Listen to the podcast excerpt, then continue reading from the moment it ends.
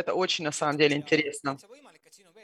Возможно, да, конечно, здесь еще есть другие вещи. Я просто цитирую этого автора и показываю вам принцип, принцип, что касающийся роста церкви, что э, относительно вопроса о росте церкви есть как внешние, так и внутренние факторы, которые влияют.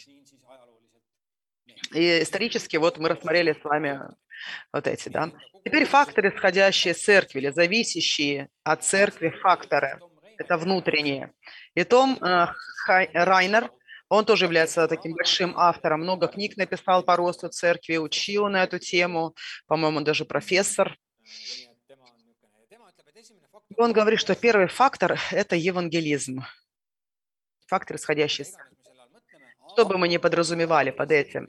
Но в течение первых трех веков ранних христиан, э, ранние христиане были как раз именно те, кто созидали церкви, и а, в то время организация, жизнь тогда была очень много, в общем, оставляли умирать людей слабых, и иногда даже убивали их.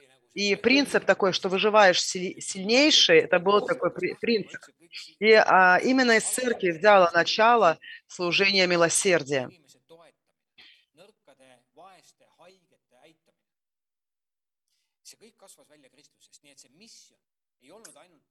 И миссия, это не, не случалось только в том, чтобы стучать Библии по голове, если можно так сказать. Это было служение обществу очень на простом, э, доступном языке и простыми способами. Поэтому евангелизм здесь подразумевает более широкое понимание. Второй момент – это молитва, о которой говорит Том Райнер. И мы видим это в Деяниях апостолов, в книге, да, что у молитвы была большая роль в росте церкви. Третье –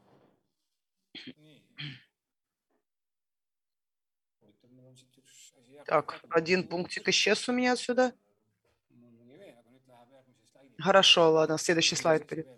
Еще одна вещь. Так, так, так, надо вспомнить, что там еще было.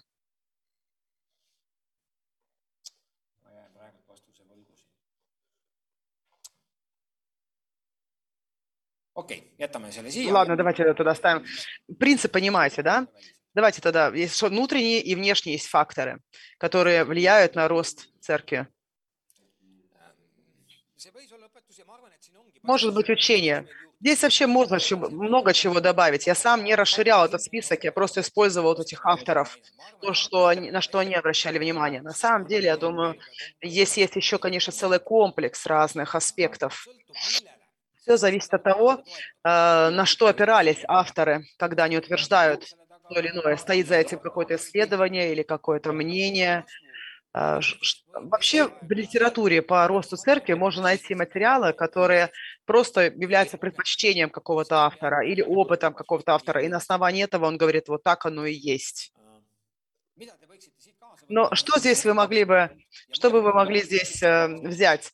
Вот эти мысли и подумайте в контексте своей церкви. Какие, какие э, факторы зависят от ваших церквей, какие есть внешние факторы, которые нам нужно было, было бы, при помощи которых мы могли бы усилить рост.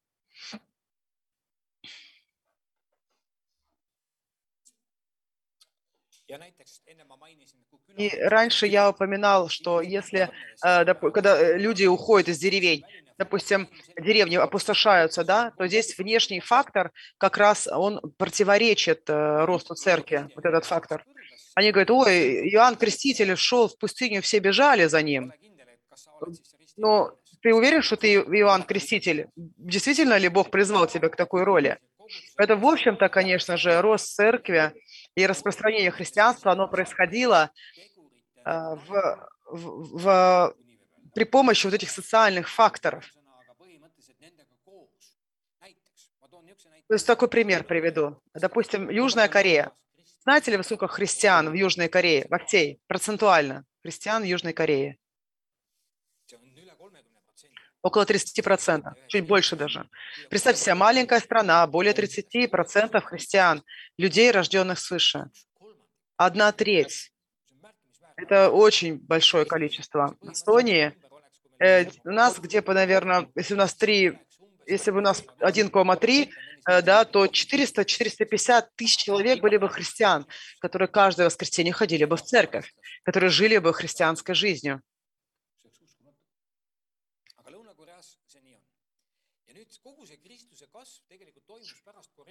И что можно сказать? В начале 50-х начался рост после войны. И э, э, страна, она была, может, разрушена, она была полностью опустошена после войны. Еще ее разбили. И, и, там, и там, началось, там начал развиваться Э, там началась развиваться экономика, и правительство начало делать правильные решения. И во всем этом, в экономическом росте, с другими разными вещами, э, вместе как бы, да, произошел вот этот рост. Там был Юнгичо, там были другие вещи, которые также сопутствовали. И вот этот экономический рост, духовный рост рука об руку шли. И Бог, э, Бог дал нам возможность жить в этом физическом мире, Он дал нам ответственность за жизнь, которая вокруг нас. Иногда мы, как христиане, иногда бывает сосредоточены только на духовном росте. Но если общество растет, то это может быть хорошим фактором также для того, чтобы церковь могла стоять э, при этом, да, и, и, и э, может вместе как бы рука об руку идти с этим ростом и расширять свое влияние. Э, у нас но нам всегда нужно смотреть на внешние факторы, всегда, в любой ситуации. Что стимулирует, а что является преградой при росте церкви или для роста церкви. Хочу вам показать немножко статистики. Немножко также это статистика, которая дает понимание относительно позиции христианства в глобальном. Что происходит глобально в христианстве, с христианством? Что же происходит? Давайте посмотрим с вами. Опять-таки, очень такой интересный намек, но uh, Pew Research Center – это достоверный источник, достоверная фирма. Вы можете в интернете много найти. Они много исследовали uh, и исследуют именно религии и делают такие глобальные исследования, то есть большие исследования посреди разных народов. И они как раз там говорят об Эстонии и, и показывают религиозную картинку. То есть Pew Research – стоит обратить внимание, у них есть своя страничка, там они также говорят о разных своих исследованиях. И в 2015 году, так как это глобальное исследование, да, то есть это тренды, можно сказать, 2015 год, тем не менее, показывает нам тоже тренд. Конечно, это не самый свежий, но, тем не менее, дает нам понимание общей картины. И нам показано здесь, что христиан в мире больше всего процентуально, 31,2%. Это показывает нам, что мусульман 24%, и здесь уже другие э, дополнения. И на основании всего этого э, кажется, что христианство и позиция христианства по сравнению с другой картинкой вроде как неплоха. И, в общем-то, где-то примерно он, оно, христианство в такой форме и было, да. Э, э, если бы это было бы единственным слайдом, то можно было сказать, что ну неплохо все, в общем-то. А давайте посмотрим дальше, поглубже немножечко. Европа. Вы помните, мы в прошлый раз говорили, что христиан, от его понятия как христиандом, а, то есть христианское общество, где церковь и государство, они переплетены. Это в Европе были, было такое на протяжении сотен лет. Христианская Европа э, приводит нас вот таким вот номерам, таким циферкам.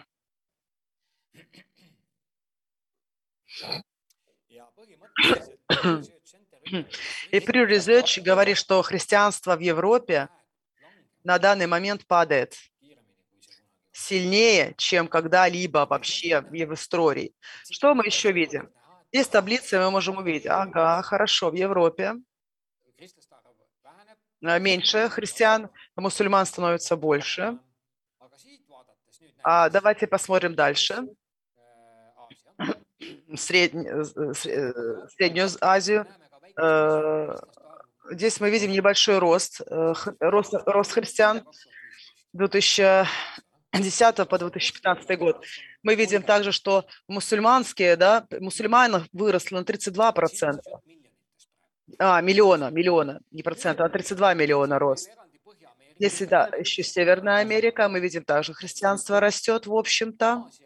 Азия, э, христиан растет количество, мусульманы тоже растут. В Азии очень сильные мусульманские страны, Индонезия, Бангладеш, а, Малайзия, где там мусульмане очень сильные. Латинская Америка, христиан количество растет. А Субсахара – это Африка, ниже Сахара. Христиан очень много, э, количество растет, мусульмане тоже растут. Что мы видим? Это дает нам общую картинку и говорит, что в принципе во всех исследованиях, исследованиях церкви очень важно быть честным и опираться на факты, какие бы они ни были. Нравятся нам факты, не нравятся. Важно, чтобы брать эти данные такими, какие они есть, и после этого начинать толковать. Что мы можем здесь увидеть? Хорошо, э, в Европе, э, в Северной Америке, что мы можем увидеть? Ситуация, ну, плохая, можно сказать, по сравнению с тем, что происходит вот здесь с христианством. И это можно сказать, что хри... рост христианства происходит за счет юга, юга, пол... южного полушария. То есть северное полушарие в Европе уменьшается, и Северной Америке в нуле, в общем-то, находится. И поэтому в традиционно христианских странах Европа и Северная Америка христианство находится в статус-кво. Но, тем не менее, мы видим, что христианство растет, в общем, да, э, вот этом слайде.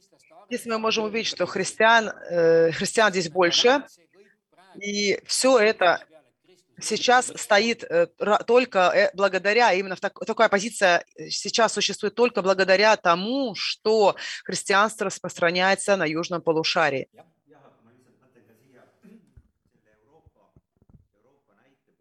Что касается Европы, в эти годы очень большое переселение беженцев было. И это как раз были мусульмане. С одной стороны. С другой стороны, Европа и, и количество э, жителей в Европе тоже уменьшается, и поэтому прироста нету как такового. Это тоже нужно, наверное, э, это тоже, наверное, относится к реальной ситуации, да, вот этой картины. Вот, видишь как? Ага. Это то, о чем мы говорим. Теперь мы начинаем понимать, что а, измерение роста церкви, оно не так просто, чтобы мы посмотрели на цифры и сказали, а, вот так или так. Нет, это такой сложный сложная сфера. Естественно, здесь разные факторы. Зная вот эту фирму исследовательскую, я думаю, что они если бы мы взяли описание, почитали, вы можете в интернете найти. Это не слайд, который э, мой, который, да, или я изобрел. Нет, в интернете вы можете найти этот слайд.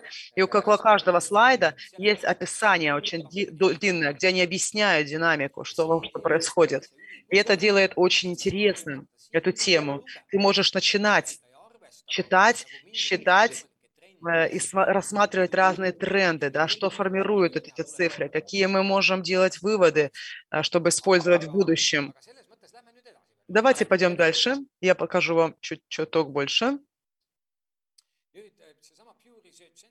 И э, Pew Research Center сделали такой, такой взгляд на будущее, будущее немножко, такое пророчество, можно сказать, да.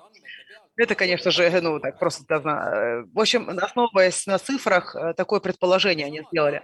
В 2015-2060 году. Если тренд будет продолжаться так, как он происходит, продолжается сейчас, и если другие религии также будут тут ним работать, то что мы можем увидеть?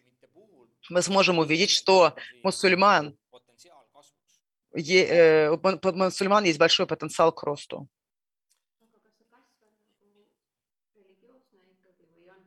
Это, это э, религиозный э, рост или благодаря их рождению детей. Что касается мусульман, это, конечно же, рождаемость влияет на это, потому что зная их э, богатую вот эту вот динамику, да, и их рождаемость, то, естественно, их распространение происходит за счет рождения, деторождения. Не значит, что они евангелизируют, в кавычках. Да? Конечно же, есть люди, которые обращаются, становятся мусульманами, но их в меньшинстве, конечно же. В основном за счет деторождения.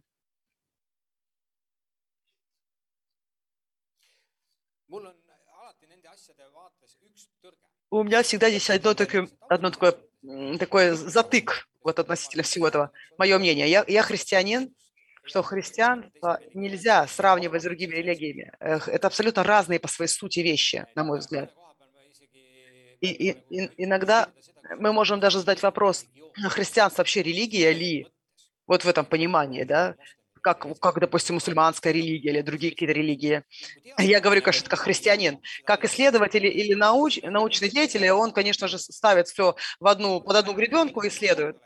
И если бы мусульмане были бы здесь, они бы могли бы сказали, то они были сказать, что христиане христиане это вообще ничего серьезного. У них там гейские темы, у них еще чего-то, у них там вообще непонятно что. Что это за христиане такие? У меня был интересный опыт такой. У нас был в, у нас было благословение в том Кирик э, на капелланах, и там был главный начальник, э, военный начальник. И он свое, и он объяснил, почему он стал христианином. И он говорил, я был на миссии, я был на миссии. Это, это военные капелланы. И первая вещь, что он сказал, э, на, видел человека на миссии, и он умирал. И он был верующий. И я увидел, как он, он, он сказал, что он не мог умереть до тех пор, пока не придет пастор к нему и помолиться, помолился, и потом он видел, как человек уходил. Он, это, он, он был подстрелен, и, и он увидел, как человек ушел. Для него это был такой опыт. Говорит, как человек как человек нашел в себе силы дождаться священника. А второе, он сказал, что, что я проводил, а, проводил допрос с одним талибанским, талибанским этим. И разговаривая вот с ним, начали говорить про, что он мусульманин. И мусульманин, которого был допрос, он, он спросил, мусульманин спросил, а ты кто? А, а он говорит, а я, говорит, с гордостью сказал, а я никто. И мусульманин сказал ему, ты собака тогда. Ты никто. Мы, тебя не, мы не уважаем вас, потому что вы ни во что не верите. И вот так сказал он тогда вот этому военному. И это настолько врезалось в его сердце, и он говорит, что и после этого он говорит, что я понял, что мы живем в христианском, христианской стране, и если я живу не соответствуя этому, то тогда что-то не того, и поэтому он теперь верующий. И он раскрыл это. Это начальник наших военных э, здесь, в Эстонии. То есть он рассказывал это очень искренне, как он стал христианином. Поэтому э, мы не знаем мусульманство очень, очень, очень э, глубоко, но их мнение о нас здесь на Западе нехорошее. Мы, как христиане, для них вот такие непонятно кто потому что мы не, мы не стоим за свои ценности, мы не сражаемся за ценности свои. Но это не наша тема сегодня. И дальше не пойдем отсюда. Еще один слайд есть. Еще Pew Research Center. Он дает нам еще одну шкалу. И средняя, средняя, э, средний возраст представителей религии. И об этом говорится очень-очень много. Говорится относительно перспективы и будущего. Давайте посмотрим. Возраст. Средняя мусульман, у мусульман э, возраст 24 года. Инду. Индуизм 27, у крестьян 30, 30 лет. И дальше уже идет там старше, старше на мой взгляд, очень инспирирующая. Если подумать о среднем возрасте моей церкви, сколько там, если подумать, сколько там, сколько лет. Это очень много говорит на самом деле о церкви и о будущем церкви.